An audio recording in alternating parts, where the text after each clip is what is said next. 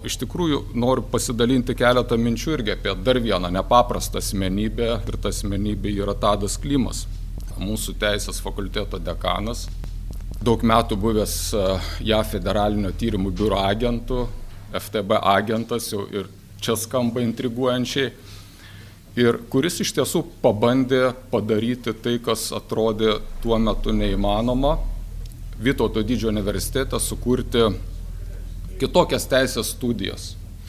Kodėl sakau, kad tai užduotis, kuri atrodo yra neįmanoma, todėl kad e, vis tik sovietmetis jis paveikė visus mokslus. Ne tik chemija, fizika ir tai jos, e, sakykime, nors atrodytų tai yra visiškai neutralios mokslus rytis, bet jos irgi buvo paveiktos sovietinio mentaliteto ir tų suformuoto aplinkybių, e, bent jau būdas, kai būdavo daromi tyrimai ar panašiai.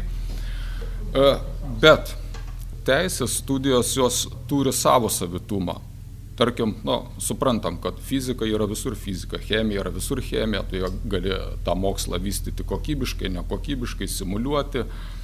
Yra kai kurie mokslai, kurie gali būti susiję su labai konkrečiu kraštu arba kultūra, pavyzdžiui, kokios mūsų lietuvių tautosakos studijos. Ir teisė iš tiesų atrodytų, kad vat, būtų kažkas panašaus į tokias studijas, kurios yra susiję grinai su tam tikra konkrečia kraštu, konkrečia kultūra, konkrečia visuomenė.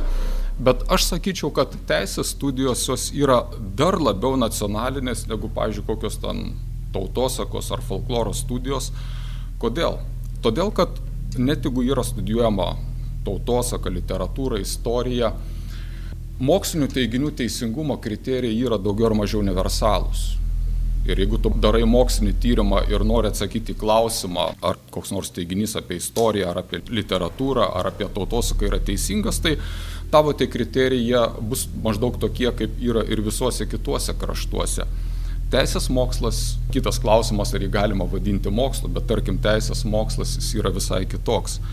Todėl, kad teisinių teiginių teisingumas priklauso nuo kriterijų, kurie yra unikalūs ir saviti, sakykime, tam tikrai vat, visuomenė arba bendruomenė. Ir jeigu gali būti tas pats teisės aktas ir taip dažnai yra, nes dabar ypač šiais laikais yra jie kopijuojami, kartojami ir mūsų civilinis kodeksas yra daug copy-paste iš kitų kraštų, tai tas pats teisinis tekstas gali reikšti vieną dalyką vienam krašte ir kitą dalyką kitam krašte.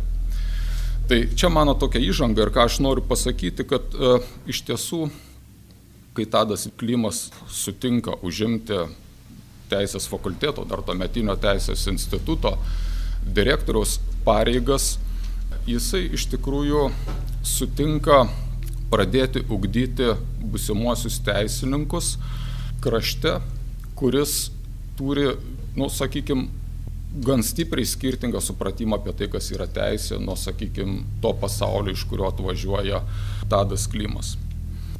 Egidijus e, Aleksandраvičius jis tokį kaip ir no, mintį davė arba iššūkį, sako, būtų gerai, kad iš tų pranešimų būtų galima kažkokią, nu, va, dar ir tyrimo krypti, kur paskui galėtų būti tyrinėjama. Ir taip aš pagalvojau, o ką čia būtų galima tyrinėti va, šitam kontekste, kalbant apie Tado e, Klimo indėlį ir bandymus sukurti uh, vakarietišką teisės mokyklą Vytauto didžiojo universitete.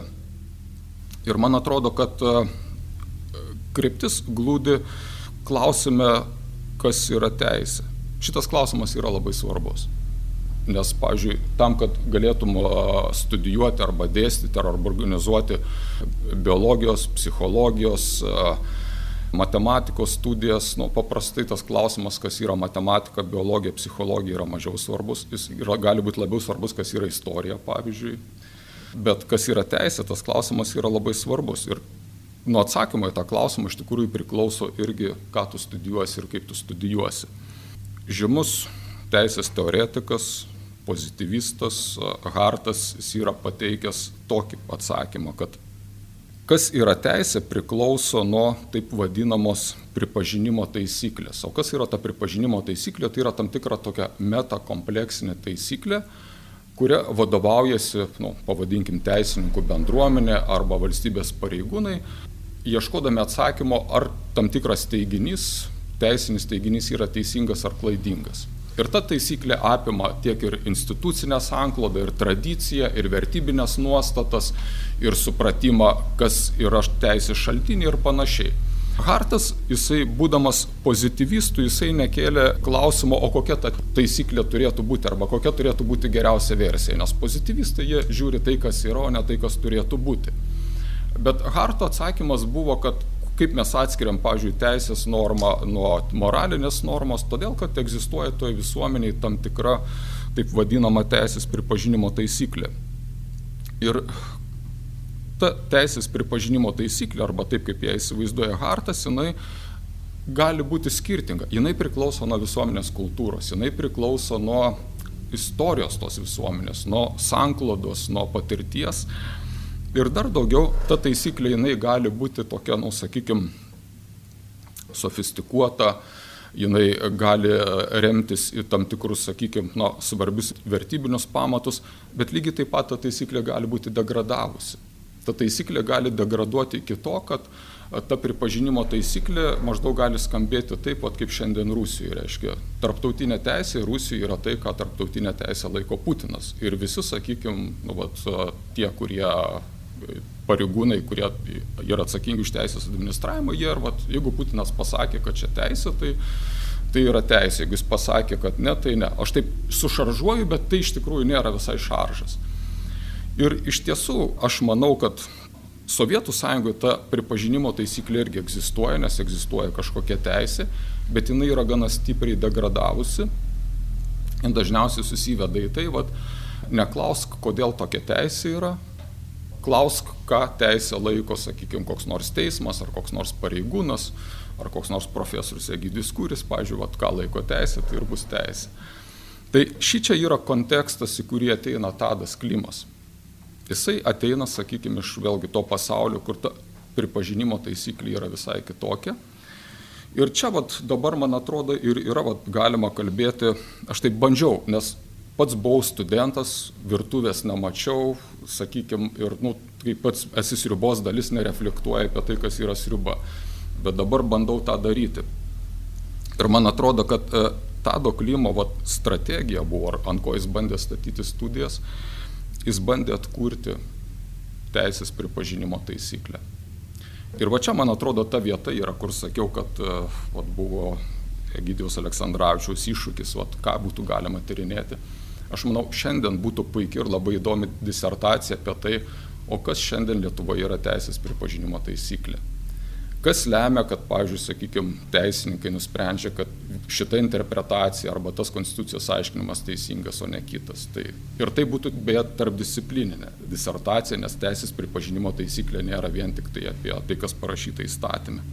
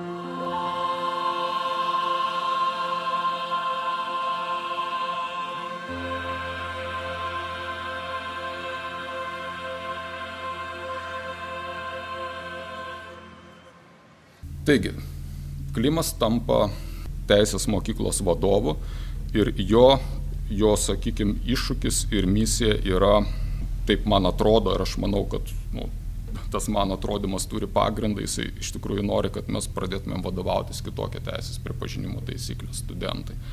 Ir jis tam turi keletą strategijų. Nu, čia dabar jau gali reflektuodamas tai bandyti numanyti. Tai viena iš tų strategijų klimo tikslas yra ne priversti mus kaip kitose Lietuvos aukštosiuose mokyklose, kai studijuojama teisė, iškalti kodeksą.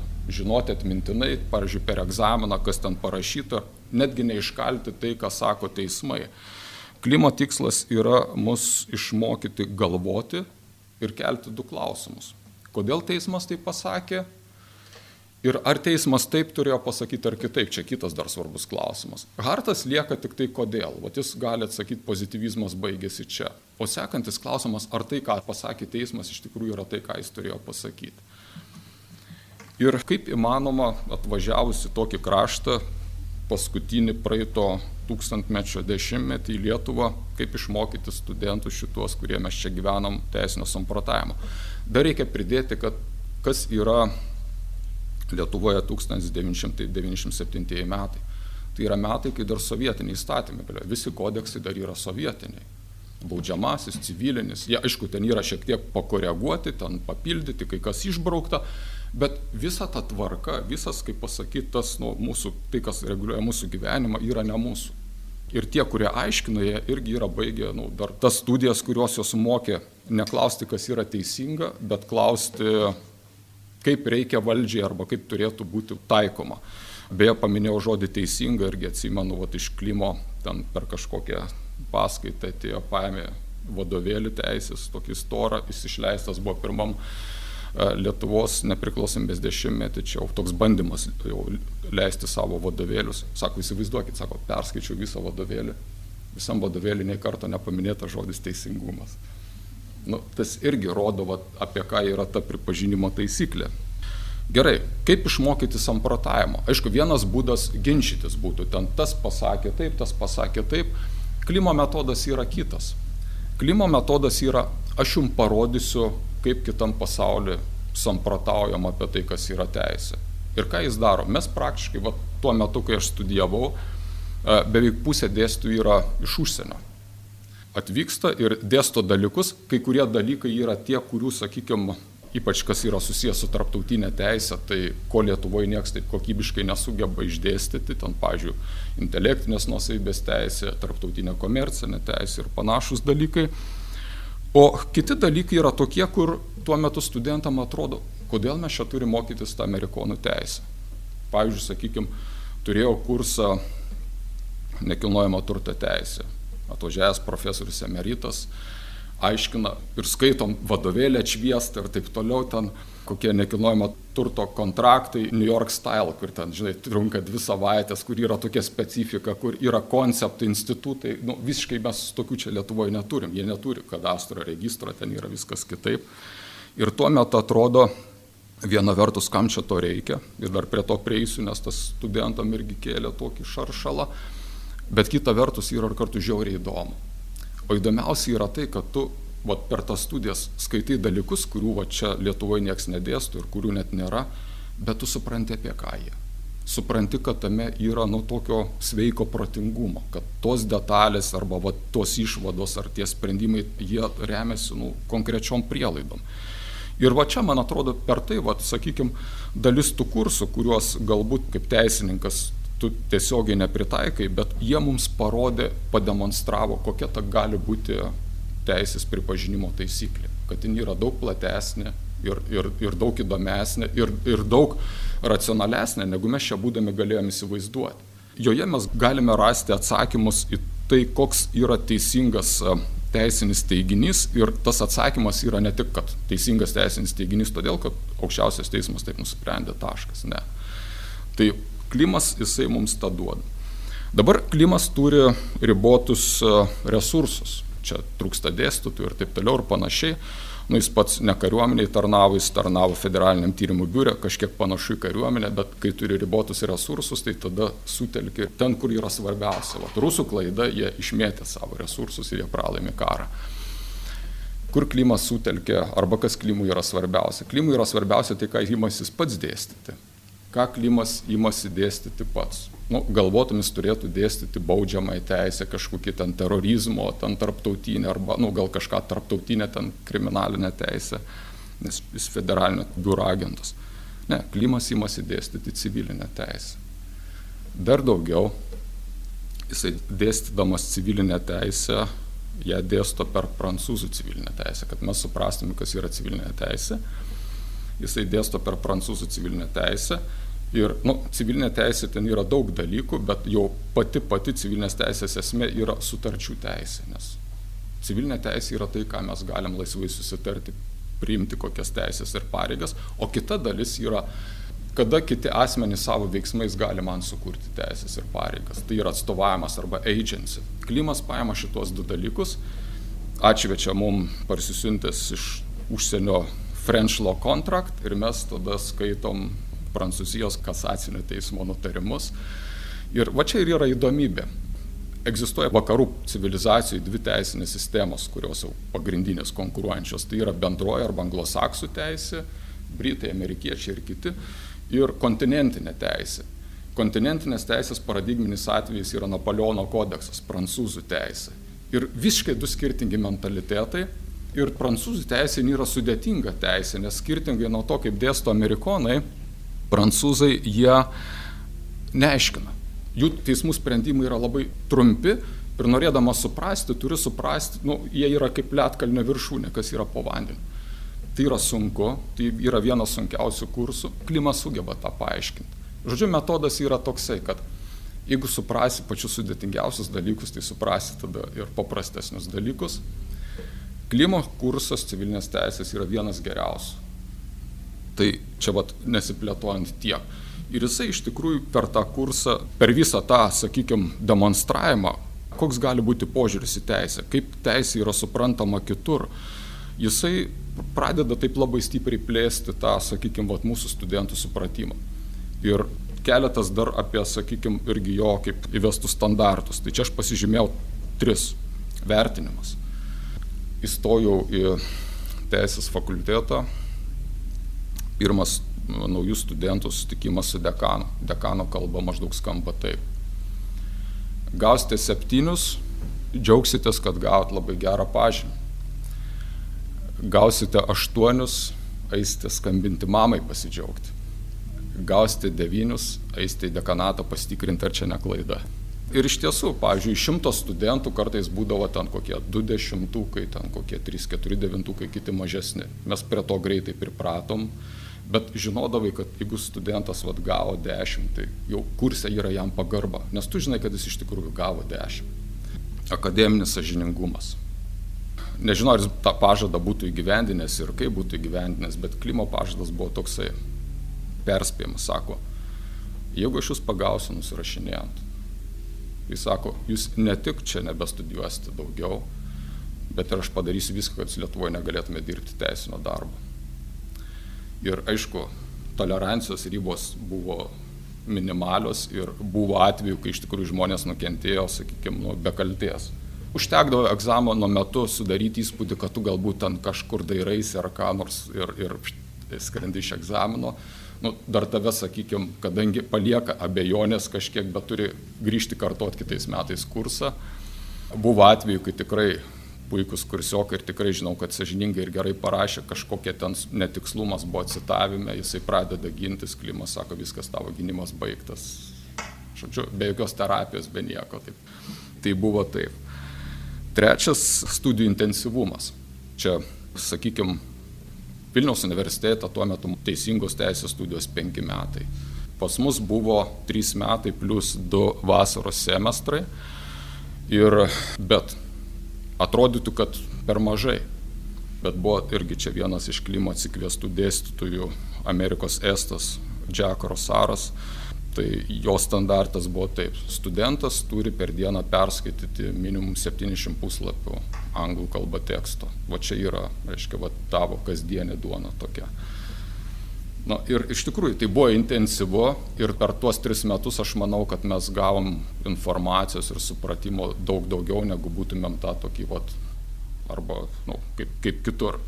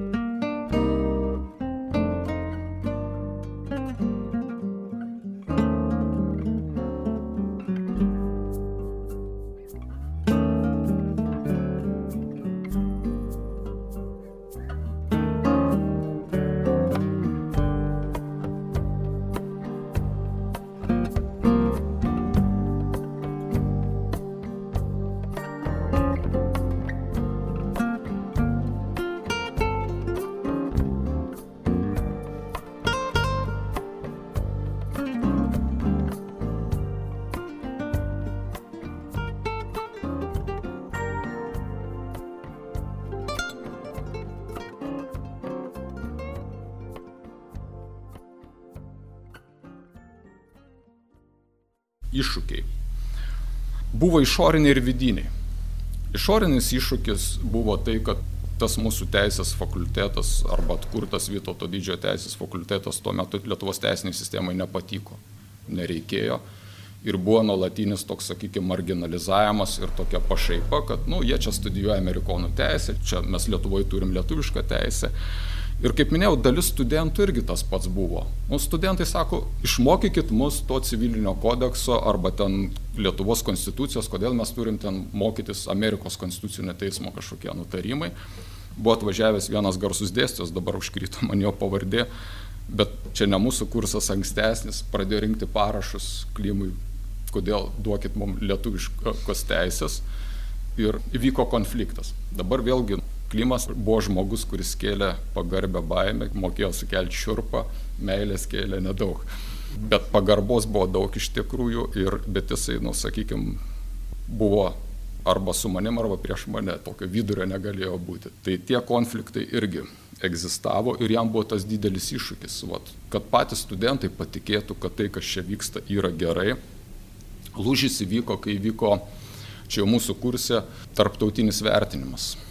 Buvo pirmas Lietuvoje tarptautinis vertinimas, vertino teisės fakultetus ir man atrodo jis netgi ir buvo taip suplanuotas, kad e, parodyti, koks kietas Vilniaus universitetas ir kaip čia nieko gero yra Vytauto didžiojo universitete. Čia mano prielaida, aš čia girdėjau tai, bet, bet rezultatas buvo, kad VDU buvo įvertintas geriausiai ir geriau negu Vilniaus universitetas. Vilniaus universitetui yra didelis smūgis Klimui tai buvo balzamas, jisai mus sukvietė į salę Vytauto didžiojo universiteto pristatyti vertinimo rezultatus ir nu, tai buvo šventė. Ir sako, žiūrėkit, sako, pas mus yra studijos geriausios. Vaisiai. Iš tikrųjų, per tuos metus uh, Tadas Klimas čia būdamas sukūrė unikalią vietą studijuoti teisę. Tokios nebuvo iki jo ir nebėra po jo tai, kas yra, aš pats dabar dėstau teisės fakultetą, tai jau yra kažkas kita. Jisai sugebėjo išugdyti teisininkų kartą, kurie vat, į teisę žvelgia plačiau ir žvelgia su pasitikėjimu. Ir jie galėjo, sakykime, nemechaniškai kalbėti apie teisinius dalykus ir argumentuoti. Tie patys kolegos, dar vat, mano bičiuliai, jie dirba advokatais, teisėjais jau dabar yra ir aš matau, kad jie tą turi. Klimas dėstė neteisė, kokia yra, bet kokia dar Lietuvoje atsiras po kelių metų.